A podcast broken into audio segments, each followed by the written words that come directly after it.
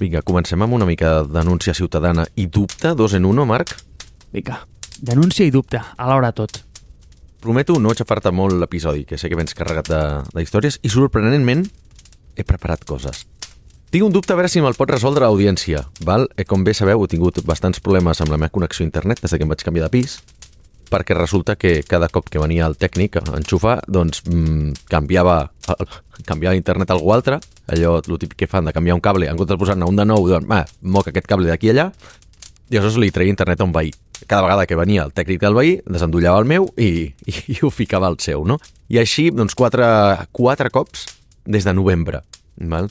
Què passa? Que al final hem descobert, eh, després de moltes reclamacions i trucades i enfadamentes diverses, que el que tenia raó era jo. O sigui, realment Pepefon ho havia fet bé, m'havia assignat aquell port i el que portava anys connectat a un port de la caixa incorrecte era el veí.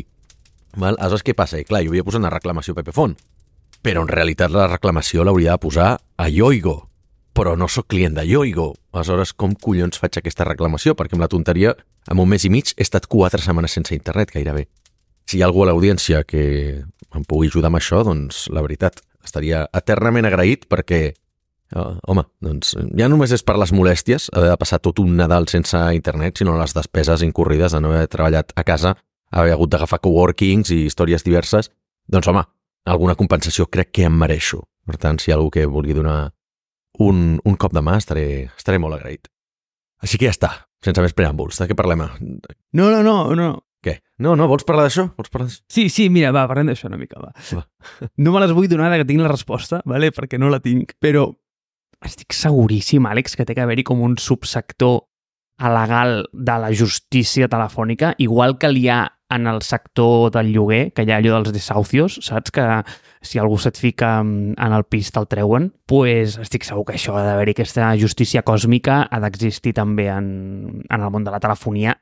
Jo crec que no. I, de fet, prova d'això és que els mercats que són que tenen més mala reputació i tenen, fan totes aquestes, totes aquestes trampes lletges i tota aquesta pirateria, són els que, si t'hi fixes, el seu procediment per reclamar és el més difícil de navegar perquè Pepefon al principi cost, no costava gaire reclamar als seus anys. Després, ja quan els van comprar i tot això, doncs evidentment ara ja tot de procediments i no sé què, i no queda clar, no pots parlar amb responsables, ja ens ho mirarem, ja et trucarem, etc etc. no? I això són de les coses que està passant. I intentar posar una, una reclamació contra, contra Vodafone és que et, et pots morir de vell, eh? Per això et dic que necessites el dels desahucios, però per telèfon. Necessites un des desocupa no? de, de les telcos, bàsicament. Exacte, això, sí, és que t'he dit desahucios, però vull dir, jo vull dir això, eh, ocupes i coses d'aquestes, o sigui, treure la gent que hi ha dins que hi està vivint de forma il·legal, vaja, això. Val, o sigui, necessites com un, un altre comandament paramilitar neonazi i ple de cocaïnomans com desocupa, que, que bàsicament vinguin i et facin la instal·lació correcta i amenaçar el, el veí que si ho torna a tocar li partiràs les cames. Bàsicament estàs dient que necessitem això, Marc. Exacte. Per tot mercat no regulat on el procés de reclamació sigui complex o no evident, necessites una via alegal en la qual tu puguis recorrir i, doncs, bueno, pues, sí, jo no entraré en els detalls de què és el que es fa en aquesta via legal, però vull dir, ells sabran, però es veu que, eh, eh jo tinc amics que hi han trucat i es veu que tu no saps lo professionals que semblen, eh? Però, però qui, qui, de qui estàs parlant ara? De, de Desocupa? O sigui, a veure, fill, el del telèfon no sé si existeix, vale? per tant no puc parlar d'aquest. Ah, vale, vale. Aquest me l'acabo d'inventar. Aquest seria una cosa que podríem muntar, si vols. Va, sí. Sí, no sé com, quin nom li, li podríem posar, no? Que sigui una mica catchy per recuperar el teu telèfon, però és igual. Jo sé gent que ha trucat a Desocupa. Hòstia. I es veu que de cara a la galeria semblen superprofessionals. Evidentment estan oferint un servei que està absolutament fora de la llei i en cap moment diré que l'estic defensant, eh? Malgrat els processos que hi han per recuperar-ho són molt dolents. És una ineficiència de la justícia i això mai justifica que es puguin fer coses il·legals. Però, dit això, quan els truques es veu que són superprofessionals, com si estiguessis comprant un diamant a Tiffany's, eh? Vull dir, t'estan oferint un servei a la carta, però d'una manera increïble. A més, està bé perquè, com que per telèfon no pots veure que van coberts d'esbàstiques, de tatuatges, doncs una altra cosa que, que no cal que... Per això segurament no fan videotrucades. En fi, no ens desviem molt més, que si algú... si algú ens vol enviar la resposta a aquest, a aquest, a aquest dubte, doncs escolta, serà, serà utilíssim. Tot i així, avui parlàvem de podcast. No et dona la sensació que parlem de podcast en la setmana que més coses han passat de l'any? I sé que no és difícil perquè en portem una, però que en aquesta setmana com que han passat moltes coses... Bueno, clar, hi ha hagut el, el drama de la gent de carta. Hi ha hagut InVision Japan. Ha sortit lo del, el, com es diu, el Vision OS, no? que avui ha vist les primeres demos de gent desenvolupant amb React Native per fer moure coses en l'espai així flotant en el, en el workspace aquest que tens a, amb, les, amb les ulleres d'Apple. Sí, hi ha, hi ha hagut bastantes coses, eh? probablement hi ha, hi ha alguna més que ara no, que ara no hi caic. I també hi ha una molt important, Marc, que tu no has dit i que jo no he dit, que és que rss.com heu tret el resum de l'any de podcasting, de les features que heu tret, eh? i això, i me l'he mirat. Què et sembla, tio? I no està fet amb xat GPT, eh? Imagina't. No, però el, el paio que el fa és, sembla una miqueta artificial, eh? Li hauria de dir que parla massa preparat, és com... No sé, l'he vist com molt artificial perquè dic, aquest tio parla... Ma, és massa preparat, massa, massa, massa... Com dir-ho, tio? Semblava massa, massa ninot, saps? Però bueno, en fi, això ja pa gustos l'hem tret de l'univers d'Apple, saps? On tota la gent és, és de mentida, doncs l'hem tret d'allà i llavors l'hem contractat. Bàsicament no existeix aquest home. Jo no he parlat mai amb ell. No, home, no, és broma, és el Joe, és molt maco, clar que he parlat amb ell. Sí, dono unes ganes d'abraçar-lo quan, quan parla, té aquella veu tan dolça i tan maca, és una passada. Sí, però eh, clarament ha xupat massa vídeos d'Apple, eh? Bàsicament, perquè és que parla Parla com si fos, fos una persona d'Apple, les gesticulacions, les pauses dramàtiques, els i ara anem a repassar això, i vinga, punt número 1, punt número 2, punt número 3, saps? Hòstia, se li nota molt, eh? Has dit això de les Vision Pro, que sí, que ha sigut un dels punts de la setmana, i has mencionat lo de carta, però és que, eh, fixa't, eh? Bueno, clar, és que aquesta setmana ha sigut el CES, és que és aquella event de tecnologia que és com l'event més decadent de la història, que ara torna a ser guai per al tema de l'AI, i han presentat... Has vist allò del Rabbit?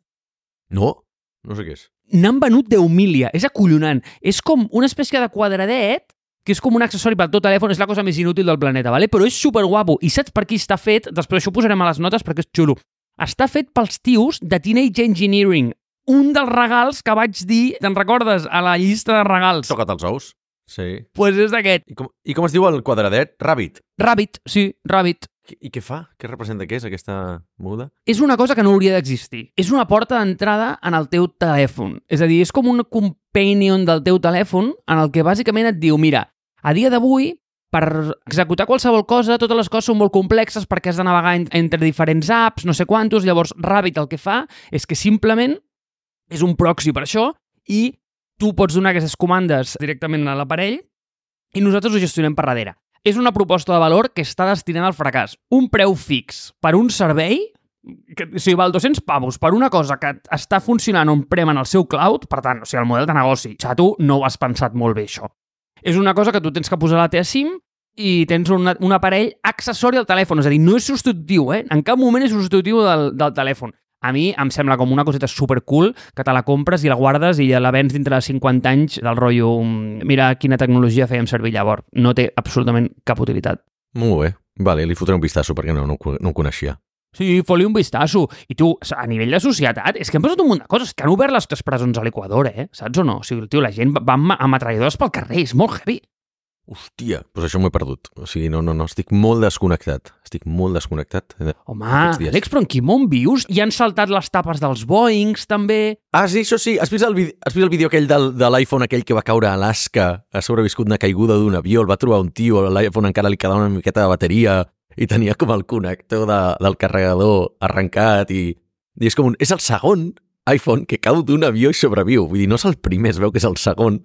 Això és boníssim. És que m'he passat una setmana amb advocats amunt i avall, perquè per tema de, només la de Pepefons, problemes amb el meu pis anterior, un client que no ens ha pagat, amb Arsbase, vull dir que ha estat una setmana que he estat gairebé ficat en el cap sota terra, com els estrussos, però en comptes del cap sota terra, el cap dintre dels culs dels advocats. Pues, mira, jo, jo crec que has tingut sort perquè t'has passat sota terra la setmana que més coses han passat. Per tant, t'acabo de fer com el resum de tot el que mm, ha donat la setmana. Gràcies, Marc. De res, home. Qui necessita assistents d'AI quan et tenim a tu? Evidentment, evidentment. Saps que hi ha hagut molt també acomiadaments? A on, ara? Mira. Ah, bueno, sí. Ah, mira, a Pitch, hi ha hagut acomiadaments a Pitch, que és l'empresa aquesta que era tan guai de la gent de, dels fundadors de Wunderlist, que, home, evidentment, doncs, no sé, per fer presentacions una miqueta més guais tampoc et feien falta 400 persones, però bueno, és un altre dels fracassos del Venture Capital. Quin més? Twitch ha tret un terç de la seva plantilla fora. Però clar, Twitch, Twitch és Amazon, no ho oblidem, eh? Vull dir, Amazon ja havia avisat que faria fo fora gent, Cert, per tant crec que... Google Val. ha anunciat també Val. És que és molt bo, perquè en el titular posa a few hundred, com, bueno, uns quants cents, saps? Vull dir, quan tens aquella massa ja, és com, bueno, és com que t'espolses una mica els ombros, saps? A veure què surt, a veure què cau per aquí, no? Una miqueta de caspa, sí, exacte. De fet, mira, una de les coses... Bueno, n'hi ha, haurà més, eh? Però una de les coses que em fa més ràbia d'això, que jo uh, ho veig i s'ha estès, i és una pràctica ultra nociva, és quan les empreses aquestes, les tecnològiques, es refereixen a la gent que han fet fora com alumni. Val? O sigui, com si s'haguessin... Penya que s'ha graduat, que ha passat per la seva universitat, per la seva facultat, i ara són alumni. No, fills de puta. O sigui, no són alumni. Són, són gent que heu deixat al carrer, saps? Vull dir, ho trobo tan deshumanitzador, això. O sigui, de, de, és com... És com o sigui, l'equivalent seria el pel cago en una caixa, li prenc foc i, ta, i la, lligo amb un llacet i te la regalo pel teu aniversari. Marc, t'agradaria aquest regal? És un, és, un, és una caixa de regal amb un llacet ben bonic. Dintre hi ha una merda en flames, val? però és un regal, saps? Està tot fet amb tota la bona intenció del món. Quina colla amb el parits, tio. O sigui, com veig això, em venen les ganes de... de... Va, no sé, no sé, què, no sé què faria, bàsicament, però em venen ganes de, de, de denunciar-ho més públicament, saps? Però alumni, tio, és que és per cagar-se. Quin regal d'imatge m'has fet, eh? Amb, aquesta, eh, amb el teu alumni amb flames. Vale. va, va, anem a parlar del tema del podcasting, que si no, portem aquí 20 minuts i encara no, encara no hem dit res. Sí, tu, que per una vegada que tenim una cosa preparada i resulta que passen mil coses a la setmana. Tu, va, home, que hem preparat alguna cosa, collons. Vinga, què ens portes avui, Marc? I, de fet, ho hem preparat quasi, quasi per casualitat, perquè jo t'ho vaig passar del rotllo, mira, és interessant, i tu em vas dir, ah, que xulo, podríem parlar. I sí, en realitat en podríem parlar, perquè és xulo, però no només pel fet de... A veure, eh, de què estem parlant? Estem parlant d'un resum que fa anualment o mensualment, ara ni recordo, una companyia que es diu Podpros, que és una solució educativa i el, com la seva missió a la vida és que presumptament volen fer créixer la indústria del podcasting. I ells, ells fan un report on mostren una mica com la vitalitat que té aquesta indústria i donen certes mètriques o certs insights que són molt interessants. Llavors, jo li vaig passar a l'Àlex, a l'Àlex li va semblar interessant, però jo crec que aquí hi ha com un punt més profund, perquè molta gent aquí haurà sentit oh, no, aquesta gent va parlar de podcasting i ja directament ja hem perdut a 300 oients pel camí. I això no és el que volem, perquè jo crec que aquí hi ha com un punt una mica més profund que el podcasting i no i és el, el difícil que és fer-se sentir o el difícil que és captar l'atenció de la gent. Jo crec que aquí és com el tema que va una mica per sota, sota el radar, i que mm, m'agradaria molt parlar-lo, no? O sigui, que complicat és a dia d'avui crear, no un negoci de mídia, eh? però, però sí un, un programa o un espai en el qual tu puguis treure la teva veu cap a fora o la teva opinió cap a fora. No? I que difícil és mantenir aquesta audiència. Perquè ara explicarem una mica el report aquest, i crec que ve a donar una mica aquesta idea. I a mi em va deixar, a veure, no preocupat, però confirmant una mica el que jo pensava, però que no tenia tan clar que, que, que fos tan evident. I a mi el que em va... no em va sorprendre, però també va confirmar el que jo ja sabia, és que és el millor moment per començar un podcast és ara, per la gent ja els ha abandonat. Val? O sigui, a l'anterior episodi que parlàvem de, dels propòsits d'any nou, que dèiem que el dia 12 de gener és el, el World Quit Day, no? el dia que tothom ja abandona els seus propòsits i comença a tornar a demanar pizza per delivery. Estem a 11 de gener, vull dir que això passarà demà. El món del podcasting està molt endavallada, perquè, clar, al final ja ha fet, va fer la, el, el seu cim durant la pandèmia, sense anar més lluny, eh? jo vaig començar també durant la pandèmia, però la majoria de gent va començar la pandèmia i molts ho van abandonar. I a veure, ha aleshores, que me'n recordo que ho vaig buscar, i veia que la majoria, o sigui, era un número aberrant, eh? no me'n recordo si era com un 60% o alguna així, però per dir dades al bulto, bàsicament, posem que era un 60% dels podcasts no passen de l'episodi número 5, no? Jo m'atreveixo a dir que hi ha molts podcasts que no passen de l'episodi número 1. De fet, Passa també amb el món dels esdeveniments. Jo ho he vist en molts chapters de Startup Grind que s'han obert. El de Bilbao en va fer un, el de Tenerife va fer zero, el de Màlaga en va fer un, el de León en va fer dos o tres. Vull dir, per dir només Espanya, eh? Vull dir, podria parlar de la resta del món. Doncs el mateix amb el podcast. També ho he vist amb moltes startups que vaig a començar un podcast, molt bé, en graven tres o quatre, són una xusta, i es rendeixen abans d'establir-se. De, de, per què? Perquè segurament si ja tens feina en haver de trobar el teu product market fit, en haver de fitxar, en haver de fer ventes, en haver de fer de aixecar calés i tot això, a sobre t'has de posar a fer un podcast que t'aporta zero valor. Jo crec que no té, no té molt de sentit. En resum, que el, tots els podcasts que havien començat durant la pandèmia, o gairebé tots, estan absolutament morts, i hi ha molts menys podcasts del que jo em pensava. Per on comencem? Mira, primer començarem perquè et validaré o li donaré veracitat o credibilitat a la teva anècdota de... Tu has fet la típica anècdota de oh, no, sí, és que la meva tieta es va comprar una samarreta a la marca X i se li va trencar el filament. Per tant, totes les samarretes de la marca X són dolentes, val? O sigui, tu has fet això, jo ara et donaré suport aeri per aquesta validació, i, vale? i no, evidentment no et donaré els números perquè no puc, però sí que tinc accés a, a, a les dades d'una plataforma de, de, de hosting de podcast i et puc assegurar que la majoria de programes o de shows no passen del primer episodi. La grandíssima majoria. És a dir, l'edat suporta la teva anècdota en aquest cas, per tant, bravo, Àlex, molt bé, has fet bona la teva anècdota i les teves sensacions són correctes. Llavors, bàsicament, què diu aquest report? Anem a posar números grans al que és el que està passant, no? A nivell de podcasting, activament, i quan aquest report es refereix al activament, diu que actius, i això són podcasts que produeixen episodis, en qualsevol moment, en tot el món, n'hi ha uns 400.000. D'aquests 400.000, i aquí tenim que pensar que això és com una porta giratòria. Cada any el 88% m'agrada molt el concepte que fan servir, que és aquest pot fate, és a dir, que se'n van a la merda. No, no, no tenim en català aquesta expressió, és fantàstica. És com fondre's, no? És com desfer-se. Sí. Sí, però fa gràcia perquè ho fan, juguen, juguen amb la paraula aquesta de pot. Clar. I el fade, com el fade out, no? Seria com por d'aparèixer, no? O alguna així, no? Bueno, és igual. Sí, és com el fade out de totes les cançons dels anys 80, no? Que, que eren estribillo ad infinitum, fade out, saps? I ja està. No acabaven mai les cançons. Exacte. Doncs això seria el mateix. Hi ha d'aquests 400.000 podcasts que tenim rotant cada any, el 88% fan pot fade, és a dir, que se'n van a la merda, per tant, quasi un de cada 9 de cada 10, i hi ha 300, uns 360.000 que tornen a afegir-se al pool de podcast actius perquè hi ha 360.000 aventurers que comencen un podcast d'aquell any, però dels quals l'any següent el 90% també se'n va a la merda, per tant és com una roda que et dona que sempre hi ha a qualsevol moment donat aproximadament entre 36 i 38.000 podcasts que ells consideren activament establerts. Què vol dir activament establerts? A veure, ells posen l'asterisc de que és un podcast d'entrevistes. No sé si aquest qualificaria com a entrevistes. Jo crec que no, però és com si l'Àlex m'entrevista a mi i jo l'entrevisto amb ell i viceversa cada dia. Però, deixant de banda aquest punt, són que tenen podcast amb més de 100 episodis, tenim, i que tenen una cadència de llançament de 10 dies o menys. Ah, i punt important, i té com un asterisc, i diu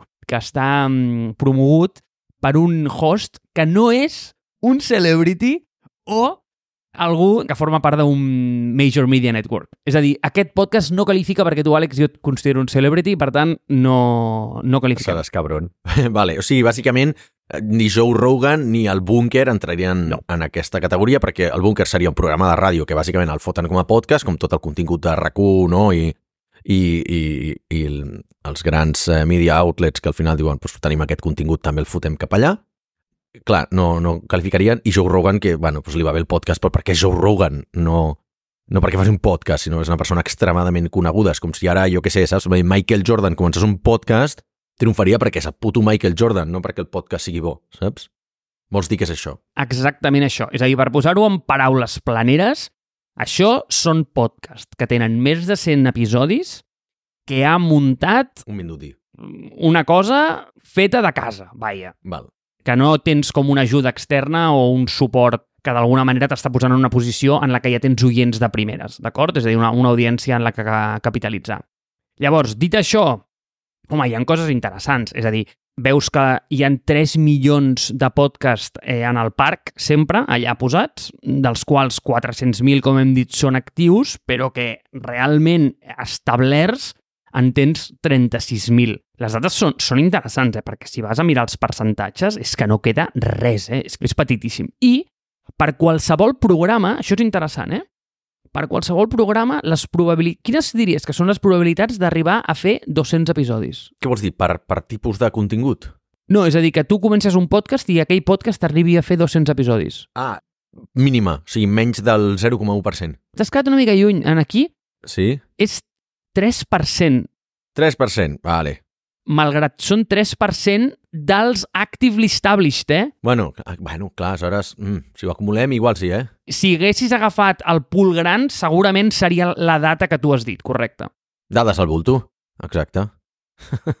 Mira, aquí jo crec que hi ha dos takeaways de tot això. Si vols, després entrem també en els teus, que segur que no tindran res a veure amb els meus. Però el meu primer és si realment estàs pensant en començar un podcast, millor pensa-t'ho dues vegades i vés a muntar una xorreria. Perquè si el tema és fer pasta o tenir algú que et dongui de menjar, o sigui, oblida't. Ho tens complicadíssim. I menys si fas com nosaltres que parles en català. Vale? Ja, llavors, sí, tio, igual millor vés a demanar almoina sota un pont perquè no és la millor manera de monetitzar res. I la segona és que no m'estranya, Àlex. És el que sempre diem, no? Que és un medi tan complicat, és a dir, és tècnicament difícil per la banda del podcaster i per la banda de l'oient. És un sistema que bàsicament és una eina, no? És a dir, no, no, no està dins d'una xarxa com pot ser Instagram o com pot ser YouTube, no? En la qual hi han opcions de destacar més enllà de la teva audiència. Perquè què passa? Si un vídeo per lo que sigui dona la tecla YouTube, que, bueno, que això també és com jugar a, a les màquines tragaperres de Las Vegas, si un vídeo do, dona la tecla, resulta que allò et pot explotar de les mans sense tu haver tingut audiència prèvia. Però aquí no hi ha tecla. Si tu no piques la pedra i comences a moure-ho tu, això orgànicament, perdona, viralment no creix, perquè no hi ha un mecanisme viral per la qual algú o un podcast creixi dins d'una red. És molt complicat. És a dir, per molt bé que ens vagi, mm, no estarem on top d'Apple Podcast 24-7 a la gent dient-li mira aquest vídeo, recomanant-li aquest podcast. És impossible, no hi ha mecanismes de recomanació dins de les aplicacions. Per això penso que YouTube o Spotify són clarament el destí d'aquest medi, perquè són xarxes en les quals hi ha mecanismes de recomanació i on el teu contingut pot destacar d'una manera que no ho pot fer com... Això, això és com la comparativa amb tonta d'escriure un blog i no dir-ho a ningú i posar-ho allà a internet i esperar que algú trobi versus fer un post a LinkedIn, per exemple. En fi, una història molt llarga.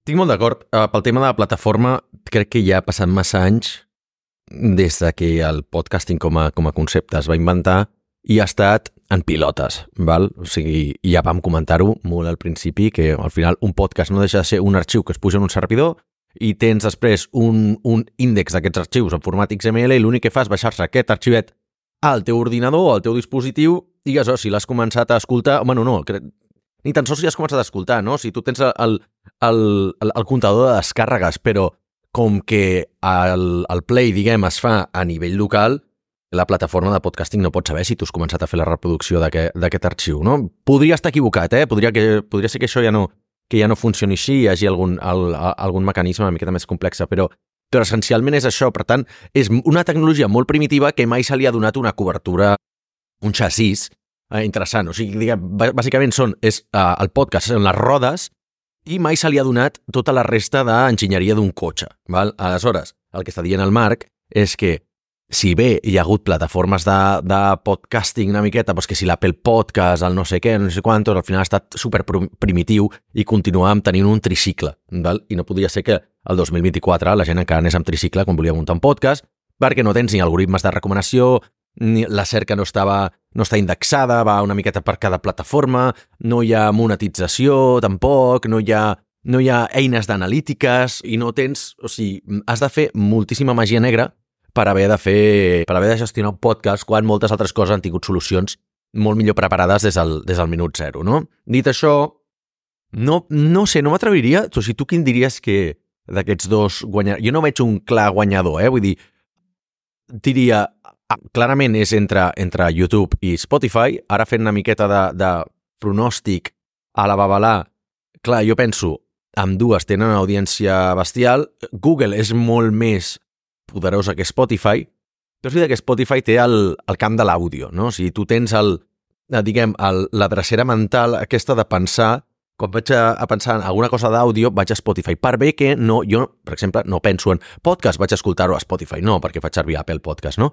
Però podria pensar que molta altra gent que s'ha enganxat als podcasts ho hagi descobert a través de Spotify, val? perquè són els que diem sempre els laggards no? en l'adopció d'una tecnologia i aquesta gent que potser han descobert el podcast a través de la plataforma, no a través del concepte, poden entrar ara per, per Spotify i serà molt més probable que ho facin per Spotify que per YouTube. Per què? Perquè per Spotify no estan fent un canvi de paradigma, només ho tenen, ho tenen passiu, ho tenen audio only, no? En canvi, quan estàs a YouTube, el que jo penso és l'adopció als podcasts serà molt més complicada perquè l'àudio no és natiu a YouTube. De part, quan estàs a YouTube, si has de triar entre escoltar un podcast i veure vídeos, triaràs veure vídeos, tio, perquè quan estàs a YouTube tu el que vols veure és contingut visual, no? És contraintuitiu que YouTube s'hagi ficat en, en, en àudio, en podcast, jo crec que és una cosa més oportunística que res, no per filosofia. Val? Crec, però no obstant, no pots mai descartar Google de la carrera, no? No pots, no pots, a, no, no pots mai fer-li un, un shorting a, a Google. Per tant, jo no descartaria, no veig, no sé quina previsió tens tu de quin dels dos guanyarà en aquest sentit. Bueno, a mi que em sembla surreal és que el medi hagi sobreviscut de manera independent tant temps. Entenc que ho hagi fet durant el període en el que Apple va ser absolutament agnòstic a la plataforma i tenia allà el, el directori i els hi anava molt bé perquè, vull dir, mira, mentre Spotify i YouTube es preocupaven perquè fer créixer la seva audiència, doncs Apple es preocupava doncs, això per vendre iPods, no? Llavors, al final, ells ja els hi anava bé, no? Hi ha molta gent que no ho sap, però el nom ve d'aquí, eh? Ve d'iPod, és fins aquí l'anècdota històrica curiosa. Però, clar, a dia d'avui les coses han canviat molt i si vols fer créixer un producte ho has de treballar activament i l'aposta d'aquestes dues pel podcasting és bèstia. I jo crec que el que subestimem, o almenys el que jo subestimo, perquè no sóc un usuari tan intens com veig que ho és la, la majoria dels perfils de la generació Z i de la generació X, és YouTube. És a dir, YouTube és com l'aire que respirem. I el que passa és que fa coses que no entenc, no? Com, per exemple, jo que sé, que l'aplicació, i això m'ho han dit, jo no ho he experimentat perquè no la tinc. És cert que l'aplicació d'iOS de YouTube tu no pots veure els vídeos segon pla? Si tens el Premium, sí. Has de tenir el Premium. Vale, però a veure, tenir YouTube Premium et diria que és tan comú com tenir un Lamborghini al garatge. Aquí va una miqueta el meu punt. De fet, se m'acaba d'acudir ara, no és que això ho portés preparat, però jo crec que lliuraran guerres diferents, perquè um, l'aposta de, de Spotify és pel B2C i l'aposta de, de YouTube, per a mi, és pel B2B. M'explico. Quines features ha tret uh, Spotify? Si mires la merda de dashboard i la merda d'analítiques que té, doncs clarament no estan, no estan pensant que la gent pugui monetitzar per Spotify, uh, uh, no, te, no et donen eines perquè el teu podcast sigui funcioni, no? ni per promoure'l, ni per distribuir-lo i tal. Però què fan molt bé? Doncs fan els, el Wrapped de Spotify, aquesta moguda és molt bona per fer viralitat i la veritat que aquest any doncs, que ens han fet el podcast i ho vaig compartir és xulo, segurament hem guanyat audiència gràcies a això i també ho han ficat a la part de música, el que sempre que et feien el teu rap musical de l'any, també han posat la part de podcasting. Per tant, d'alguna manera estan apostant més pel B2C i no només això. L'altra gran aposta pel B2C que fa Spotify és aquell experiment que van fer de la traducció, o sigui, de fer a la traducció a, molts idiomes de manera immediata i automàgica, que van fer amb el podcast de Lex Friedman, que de cop volta diuen, hòstia, estem experimentant amb una tecnologia que podrà escoltar qualsevol podcast en qualsevol idioma. I per mi això, el dia que surti, serà una bestialitat, perquè jo deixaré de tenir el meu podcast en castellà o en anglès de Marspace i començaré a gravar amb els idiomes natius de la gent i després ho publicaré i que la gent tri, saps? Vull dir, si he de gravar un podcast en italià, el gravaré en italià. I si t'he d'entrevistar tu, no faré la parafernàlia aquesta estúpida de vinga, Marc, anem a parlar en castellà, en un podcast en castellà, quan tu i jo som catalanoparlants, saps? O sigui, no farem, no farem aquestes coses. Per altra banda, l'aposta de, de YouTube, quina és? És el B2B, clarament. O sigui, YouTube ja té tota, tota l'enginyeria feta, desenvolupada, tastada, i, i més que solidificada de a tot el motor de monetització, de recerca, algoritmes, eh, tot, totes les eines al YouTube Studio, té moltíssim software, té molts, i, i té inclús agències dedicades a fer això, que eh, s'especialitzen només en monetització i viralització a YouTube, igual que n'hi ha per, per TikTok també. Per tant, però si t'hi fixes, el B2C que està fent YouTube és contraintuitiu. De fet, és és estar desincentivitzant els, els, els usuaris perquè per posar un podcast en segon pla amb l'aplicació de YouTube has de tenir YouTube Premium. Això és estúpid, saps? Vull dir, potser sí, si realment volguessin apostar pel B2C, dirien, val, els vídeos en segon pla els pots tenir, però podcast sí, per exemple, no?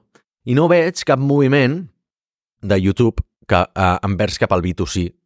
Tampoc a la plana principal, quan entra, jo entro cada dia a YouTube, jo consumeixo contingut a YouTube cada dia, cada sant dia no veig els podcasts a la part alta. Val? O sigui, i consumeixo podcast eh, per allà perquè he de mirar els meus, hem de penjar, he de penjar els meus i, i alguna miro més contingut que potser està més orientat a vídeo, eh? I potser per això només... Però no veig lo típic de, encara que no consumeixis vídeo, jo com a YouTube et poso aquest contingut aquí perquè m'interessa destacar-ho. No veig que ho facin suficient. Per tant, jo crec que lliuraran dos guerres suficients, ah, perdó, suficients, complementàries, i Spotify tirarà pel B2C i YouTube pel B2B.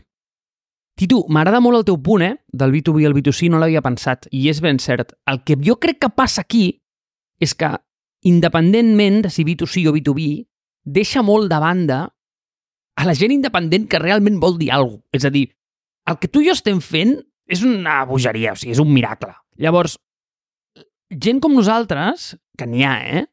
Que escolta, doncs té una petita comunitat i, i, té, i té un podcast petit, però és que li posa ganes i ho fa un cop a la setmana i té constància, etc. creix més o es manté més a base de fer accions que no escalen que no d'aplicar el mític playbook que et diuen per fer créixer un podcast. O sigui, si tu li preguntes a ChatGPT quines són les 10 millors maneres de crear un podcast o de fer créixer un podcast, són exactament les 10 que no hem aplicat en aquí i que no ens servien absolutament de res. Per mantenir una petita comunitat, jo penso, i llavors si ho portem a algun bon lloc, això, que la idea aquesta o les coses que mil vegades hem parlat que no escalen per enlloc i que són coses que mai hauries de fer a nivell de podcasting, com per exemple fer un esmorzar de forquilla cada mes amb la gent que ens escolta. És una cosa que no escala per enlloc, però que igual és un perk que un podcaster random no podria utilitzar, però és una que a nosaltres ens funciona i podríem fer servir. I mira, és una cosa que vull explorar ja. És a dir, que si algú està remotament interessat en fer això, em venia a esmorzar amb l'Àlex i amb mi un dia qualsevol pel matí a fotre'ns un fricandó,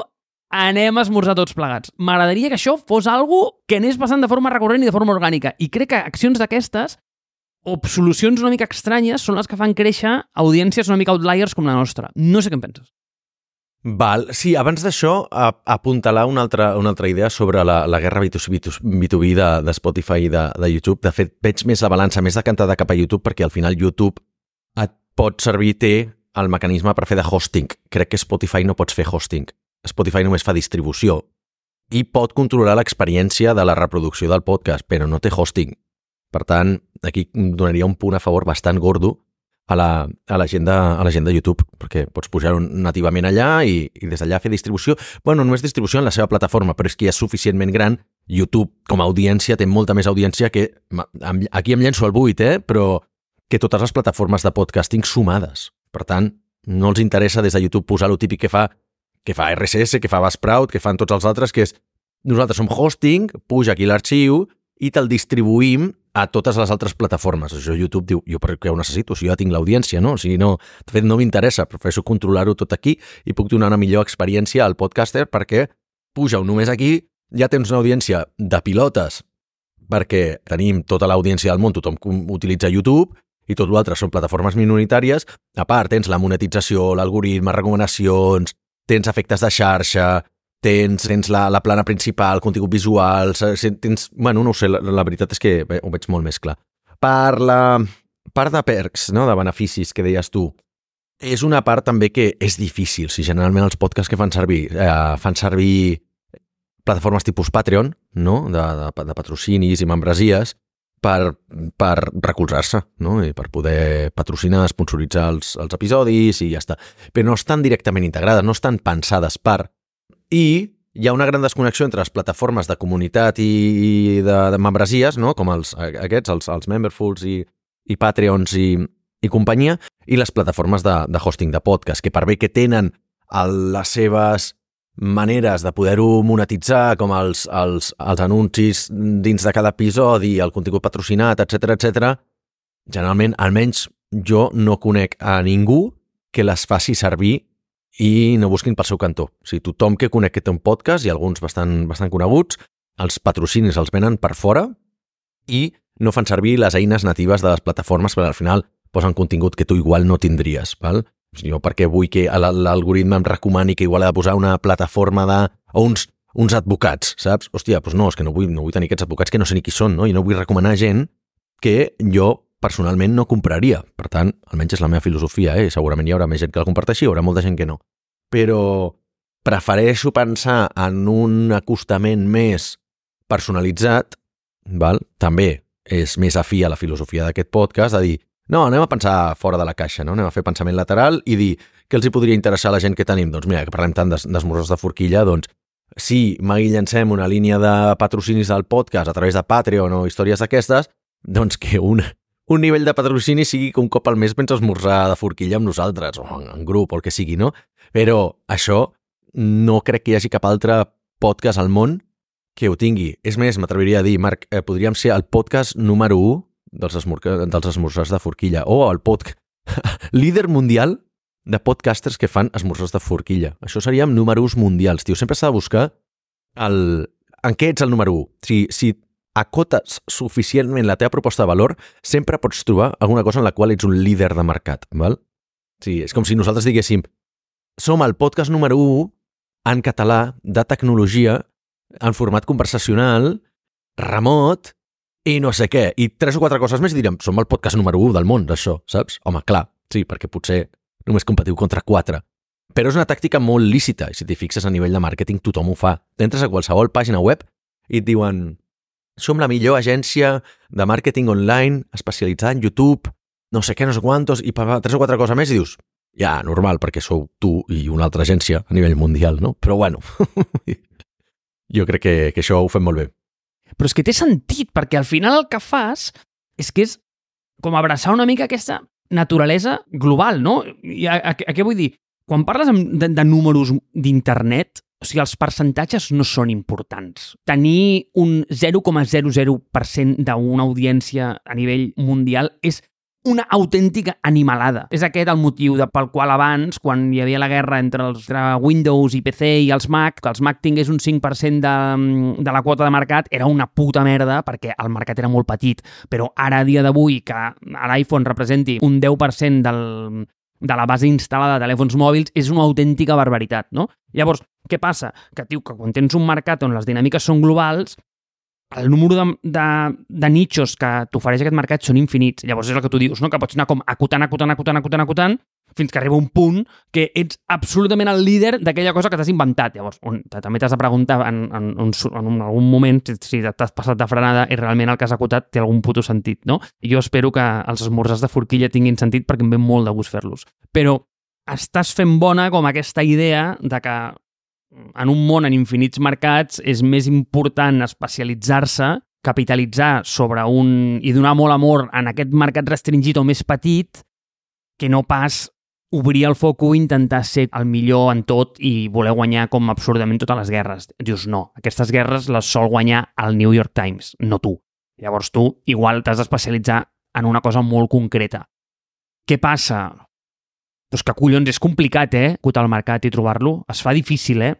I sobretot es fa difícil quan tens un mitjà que és tan manual. És a dir, que no pots capitalitzar l'algoritme de cap manera. I això és una cosa que, a veure, que igual sí que ens ha faltat. Però també és veritat que tot el que guanyes en un terreny tan poc fèrtil és molt agradable perquè veus que hi ha una connexió molt pròxima amb la gent que t'escolta i, i, i sobretot que estàs construint una comunitat que té valor jo insisteixo, eh? El, igual no cal esperar a que muntem que això del Patreon i aquestes coses per anar a fer un esmorzar amb tothom, eh? Igual el primer és gratis, eh?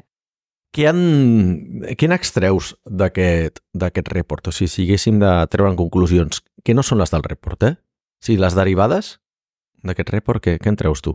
El report a baix ja té un apartat de conclusions, però ja se les fan venir bé perquè ells tenen una eina que es diu Podmatch o una cosa així, que el que fan és que junten com host, gent per entrevistar i tenen com una eina de matchmaking d'aquestes i, bueno, ja es fan venir bé per dir que el que necessites és el seu producte. És a dir, bàsicament, per ells, la, la lectura del report és ens teniu que utilitzar nosaltres, no? És fantàstic, no? És allò que fas un report i just diu exactament el que tu necessites. Però si tu llegeixes una mica entre línies, jo veus dues coses, no? La primera és, un, si el teu motiu pel qual vols començar és fer calés, millor muntar un negoci. Això no ho facis. Ves a muntar una carnisseria. Això no.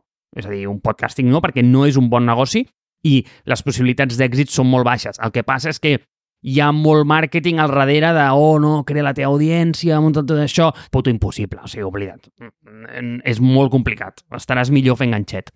La segona és que, si ho penses, el fet de que algú t'escolti és pràcticament un miracle.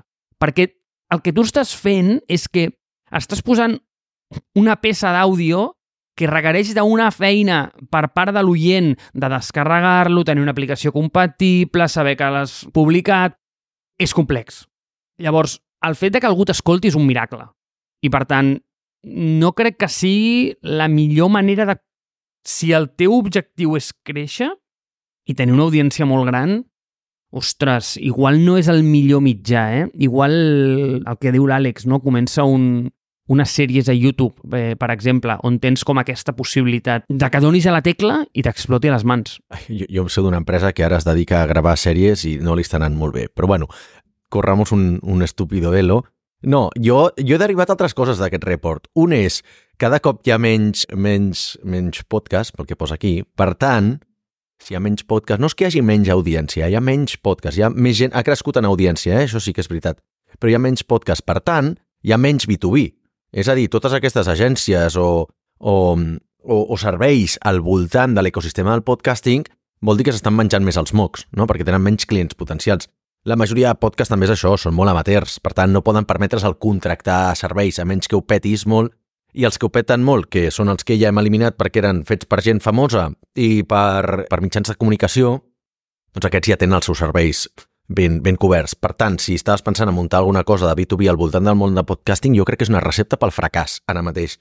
Igualment, també pel tema dels sponsorships. És a dir, qualsevol persona que vulgui patrocinar contingut, hòstia, crec que és de...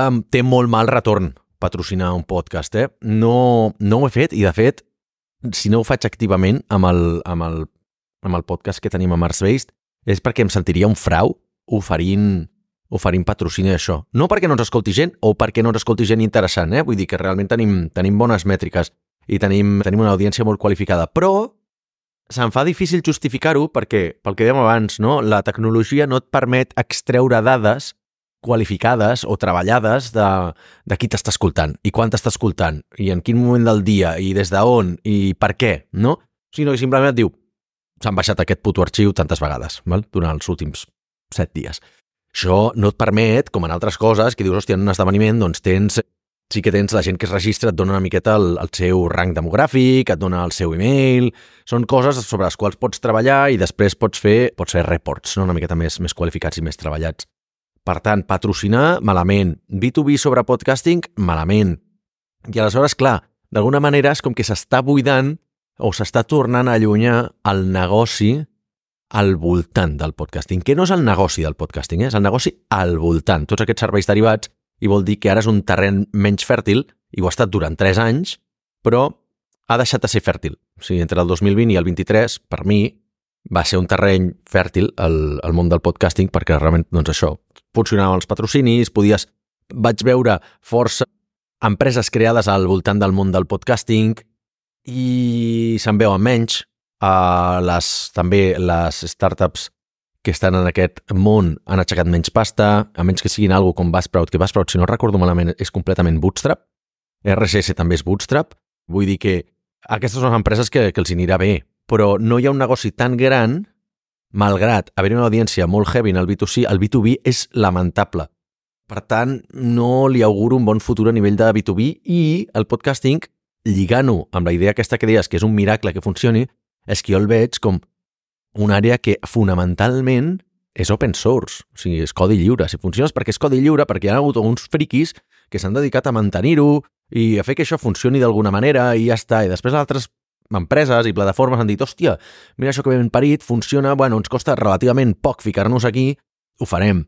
Però jo crec que no ho han fet per convicció, eh? Jo crec que realment no hi ha ningú que realment s'estimi al món del podcast i digui va, anem a quedar-nos al podcast i anem a fer la plataforma que realment es mereix, anem a canviar el protocol, si realment, si algú reinventés el protocol i el fes d'una altra manera, tal que, de manera nativa, ja poguessis donar molta més informació sobre el podcast en l'arxiu, en el XML, i que no hagués d'estar embebit dintre de l'arxiu d'àudio, per exemple, que la monetització també fos una cosa que es pogués fer in-house, que, no sé, d'alguna manera també la intel·ligència artificial la poguessis aplicar en el moment de la, de la creació i la distribució, no només en la, en la postedició, no?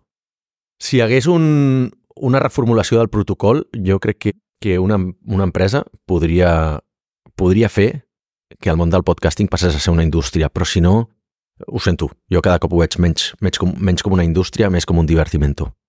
Llavors pleguem o què? No, no pleguem, eh? No pleguem perquè nosaltres amb, amb quatre gats ja estem contents, tio. Vull dir, és una miqueta la, la mentalitat catalana també, aquesta de, bueno, fem coses aquí i acabarem sent doncs, la trinca del podcasting, si tu vols, saps? Ja, saps? ja, ja està bé.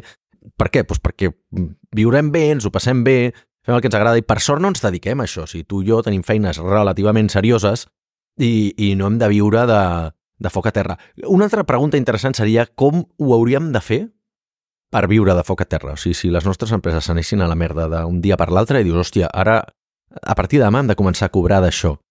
Com ho faríem? O sigui, seria complicadíssim, però bueno, segurament ho hauríem de reflotar a base de, de patrocinis, agafar una empresa que digués, mira, assumeixo tots els costos d'això, o anar-ho a vendre-ho, o mal vendre-ho, a un mitjà de comunicació, no? Però, però com que és una cosa en català, és ninxo, és suficientment graciosa, diria, i pues, a la gent li agrada, li té carinyo, segurament la gent també ens, ens ajudaria amb això podem viure d'això, però en el mercat global som uns vindundis, tio. És un bon exercici aquest, eh? Perquè bàsicament acabes de refressejar aquesta idea que molta gent estic segur que en algun moment de la seva vida ha rondat pel seu cap, que és allò de que imagina't que tenen un canal de YouTube o alguna coseta d'aquestes, no? I diuen, i si jo em dediqués a això 24-7, no? És a dir, si jo fos aquest creador que deixa la feina i comença aquest camí més, anem a dir incert, més, anem a dir arriscat, anem a dir com que no està tan documentat, saps? en el qual jo sóc creador de contingut, jo publico des d'animacions fins a contingut a Instagram, fins a vídeos a YouTube, el que sigui, no? I sembla com que sap que algú ha fet, algú ha aconseguit, tothom té un amic que s'ha fet youtuber en algun moment de la vida, saps? Però és molt complex, eh? Perquè... Ah, és que és molt difícil, Àlex, és que és molt difícil, perquè si tu penses com la quantitat de, de coses que tenen que passar perquè això sigui possible, ja no és només el fet de que algú sostengui els costos, sinó que després també, clar, maco, o sigui, a veure, igual tu i jo no gastem molt, però però hem de viure. I, i això t'ha de donar com un camí de carrera o, o, o algo per, no sé, vull dir, per portar els nens a la uni, per fer alguna coseta, i per comprar-te algun capritxet, no? Vull dir, per anar a sopar al cap de setmana, potser. Però, clar, dius a dia d'avui, hòstia, és que monetitzar una cosa d'aquestes jo no veig ni que poguéssim estar com ni mínimament a prop. Igual hauries de donar-te les de fer molta paneta a l'audiència i dir, bueno, va, nois, vinga, doncs pues, escolta, que sapigueu que eh, ho hem deixat tot i ho fem aquí tot per vosaltres, a veure si ens doneu una almoina. No ho sé, o sigui, nosaltres tenim allò de la subscripció d'Apple, saps? I a mi cada quadrimestre o una cosa així m'arriben els ingressos de la subscripció. No, no donen ni per un kebab, no, segurament. Bueno, el problema és que és deficitari, bé, clar, i tu has de pagar 19,99 per poder aplicar el programa, però llavors nosaltres ens torna, em sembla que un euro amb 17 al trimestre. Llavors... Imagina't. Bàsicament, tenir subscriptors em costa 15 euros, saps o no? sigui, a mi que em paguin em costa pasta. Això és molt bèstia, eh? La, la cosa de, de viure d'això és que la gent no veu tota la feinada que, que hi ha darrere, no? O sigui, eh, penya com, com Auronplay o, o Jordi Wild o, o Soundtrack o altres youtubers d'aquests porten molts anys picant pedra, molts anys picant pedra. Jo ho veig també amb... Jo, jo veig molt contingut de, de Pokémon GO, no? I i, els, i, i diguem, la gent que t'ensenya a fer PvP i tot això, t'adones que quan passen més o menys dels 30.000 subscriptors o alguna així, ja comencen a pensar en dedicar-s'hi full time, perquè ja reben algo de pasta i es munten un Patreon, fan les subscripcions i amb el que fan els directes, doncs més o menys comença, a repleguen suficients calés o tenen tenen la feina, la feina la tenen a, a, temps parcial, i aquell punt ja és el de dir, hòstia, m'hi podria dedicar, però fins que no tens 30.000 subscriptors és moltíssim. Per arribar a tenir 30.000 subscriptors a YouTube, has d'estar penjant un vídeo al dia, almenys, de manera consistent durant molts anys i que tingui moltíssim engagement. Val? O sigui, ha de tenir molts comentaris, has d'estar picant la pedra no només de gravar, editar, sinó que també l'has de distribuir, has de marketitzar-lo, has de contestar els comentaris que et fa la gent, has de crear d'alguna manera també artificial tota l'inorgànic aquest de dir clica aquest altre vídeo que també t'interessarà, fer xarxes socials, etc etc, per arribar a tenir una monetització ridícula. Però gràcies a això, allà és on trobes l'atracció. Al cap dels anys, tens una atracció. No és al revés. No és que llenço un canal i a veure si amb 10 o 15 vídeos això funciona. No, probablement ha arribat als 1.000 vídeos i allà és quan comencen a fer alguna de calés i diuen, bueno, doncs, ah, potser puc deixar la feina, dedicar-me només part-time o alguna així, o em surt alguna cosa derivada i vaig sent de freelance per aquesta altra cosa i a poc a poc vaig deixant la meva feina que tinc full-time per dedicar-me a YouTube o, o al podcasting.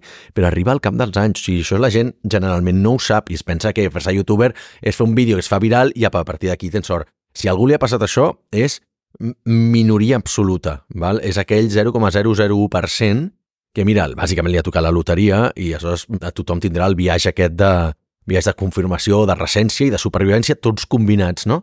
Però mm, això no passa mai. Generalment hi ha una feinada, haver de menjar molta merda, haver d'estar també esclau del, de l'algoritme de, de YouTube, perquè cada dos per tres, doncs, que ara sí, ara, doncs, els vídeos que tinguin massa paraules en...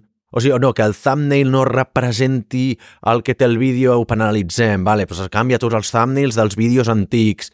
Ara no, ara si tens els títols massa llargs o tenen massa paraules en majúscules, això també et penalitzarà perquè s'assemblen als, als de clickbait. Doncs vinga, canvia tots els vídeos, canvia mil vídeos i torna't a reinventar perquè igual amb el nou algoritme el que feies tu ja no encaixa, saps?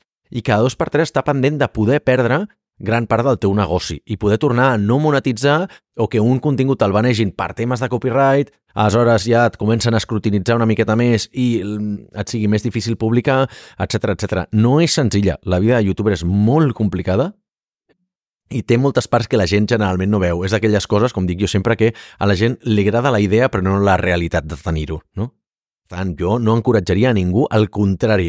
Jo el que m'agradaria encoratjar és que la gent deixés de fer podcasting, deixés de fer YouTube, si realment el seu vídeo, el seu contingut no és de moltíssima qualitat, perquè aleshores el que fa és una miqueta desvir desvirtuar el, el, el, el negoci, el sector i a la resta de, de players d'aquest ecosistema. I què collons, anar a buscar coses amb sentit, que ja està massa sobrepoblat això i, i, i altres feines que també s'haurien de fer i no troben gent.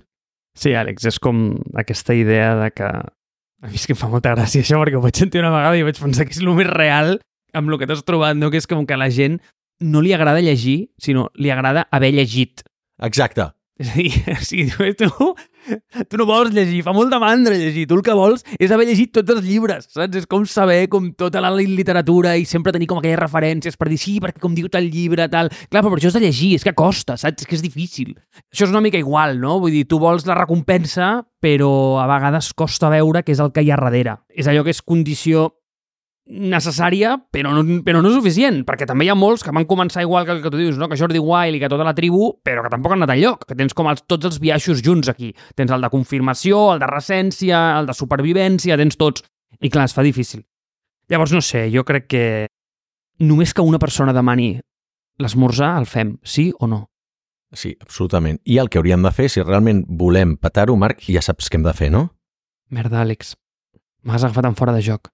Doncs hem de posar-nos a YouTube, fer vídeos absurds amb les captures aquestes als thumbnails, posant-nos la mala cara com escandalitzats i dient no te creeràs lo que passó, començar a posar títols més, no clickbait perquè està, està penalitzat, però deixar posar aquests títols críptics que se'ns acuden així a última hora i que generalment no tenen molt a veure amb el que parlem i posar un, posar coses com hòstia, no et pots perdre això, si et perds aquest vídeo o aquest capítol ets, ets miserable i perdràs a tota la teva família coses d'aquestes i fer estratègies de, vir- de viralitat, de posar doncs, la part més polèmica de cada episodi amb un eh, contingut molt curt TikTok, inclús gravar-ne de falsos, gravar-ne de falsos, i portar gent temàtiques molt polèmiques. Vale? O sigui, jo ara, malauradament, mira que no m'agrada, eh, tio, però m'he atrapat molt amb, amb un episodi que dura 4 hores i pico del, del podcast de Jordi Wild, que no escolto mai, però vaig veure que entrevistava un ex-nazi. Vaig dir, home, això m'interessa. A veure com, com se les farà ara per no blanquejar el nazisme, no? Eh, Realment està...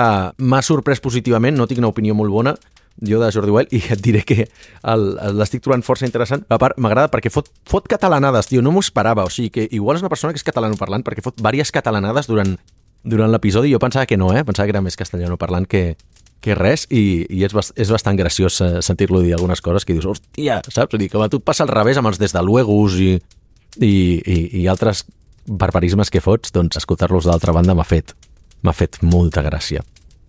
El resum de tot plegat és que aquest podcast és l'antiviralitat. És a dir, totes les tècniques s'apliquen en aquest llibret o aquest manual de viralitat que corre per, pels internets, on t'expliquen tot el que has de fer, ficar les keywords en els títols, moure-ho per social media, fer entrevistes per capitalitzar la seva audiència. Tots aquests xecs, saps quants en marquem o no? Ah, zero, menys 1, menys 10. Saps, saps quin xec podríem marcar?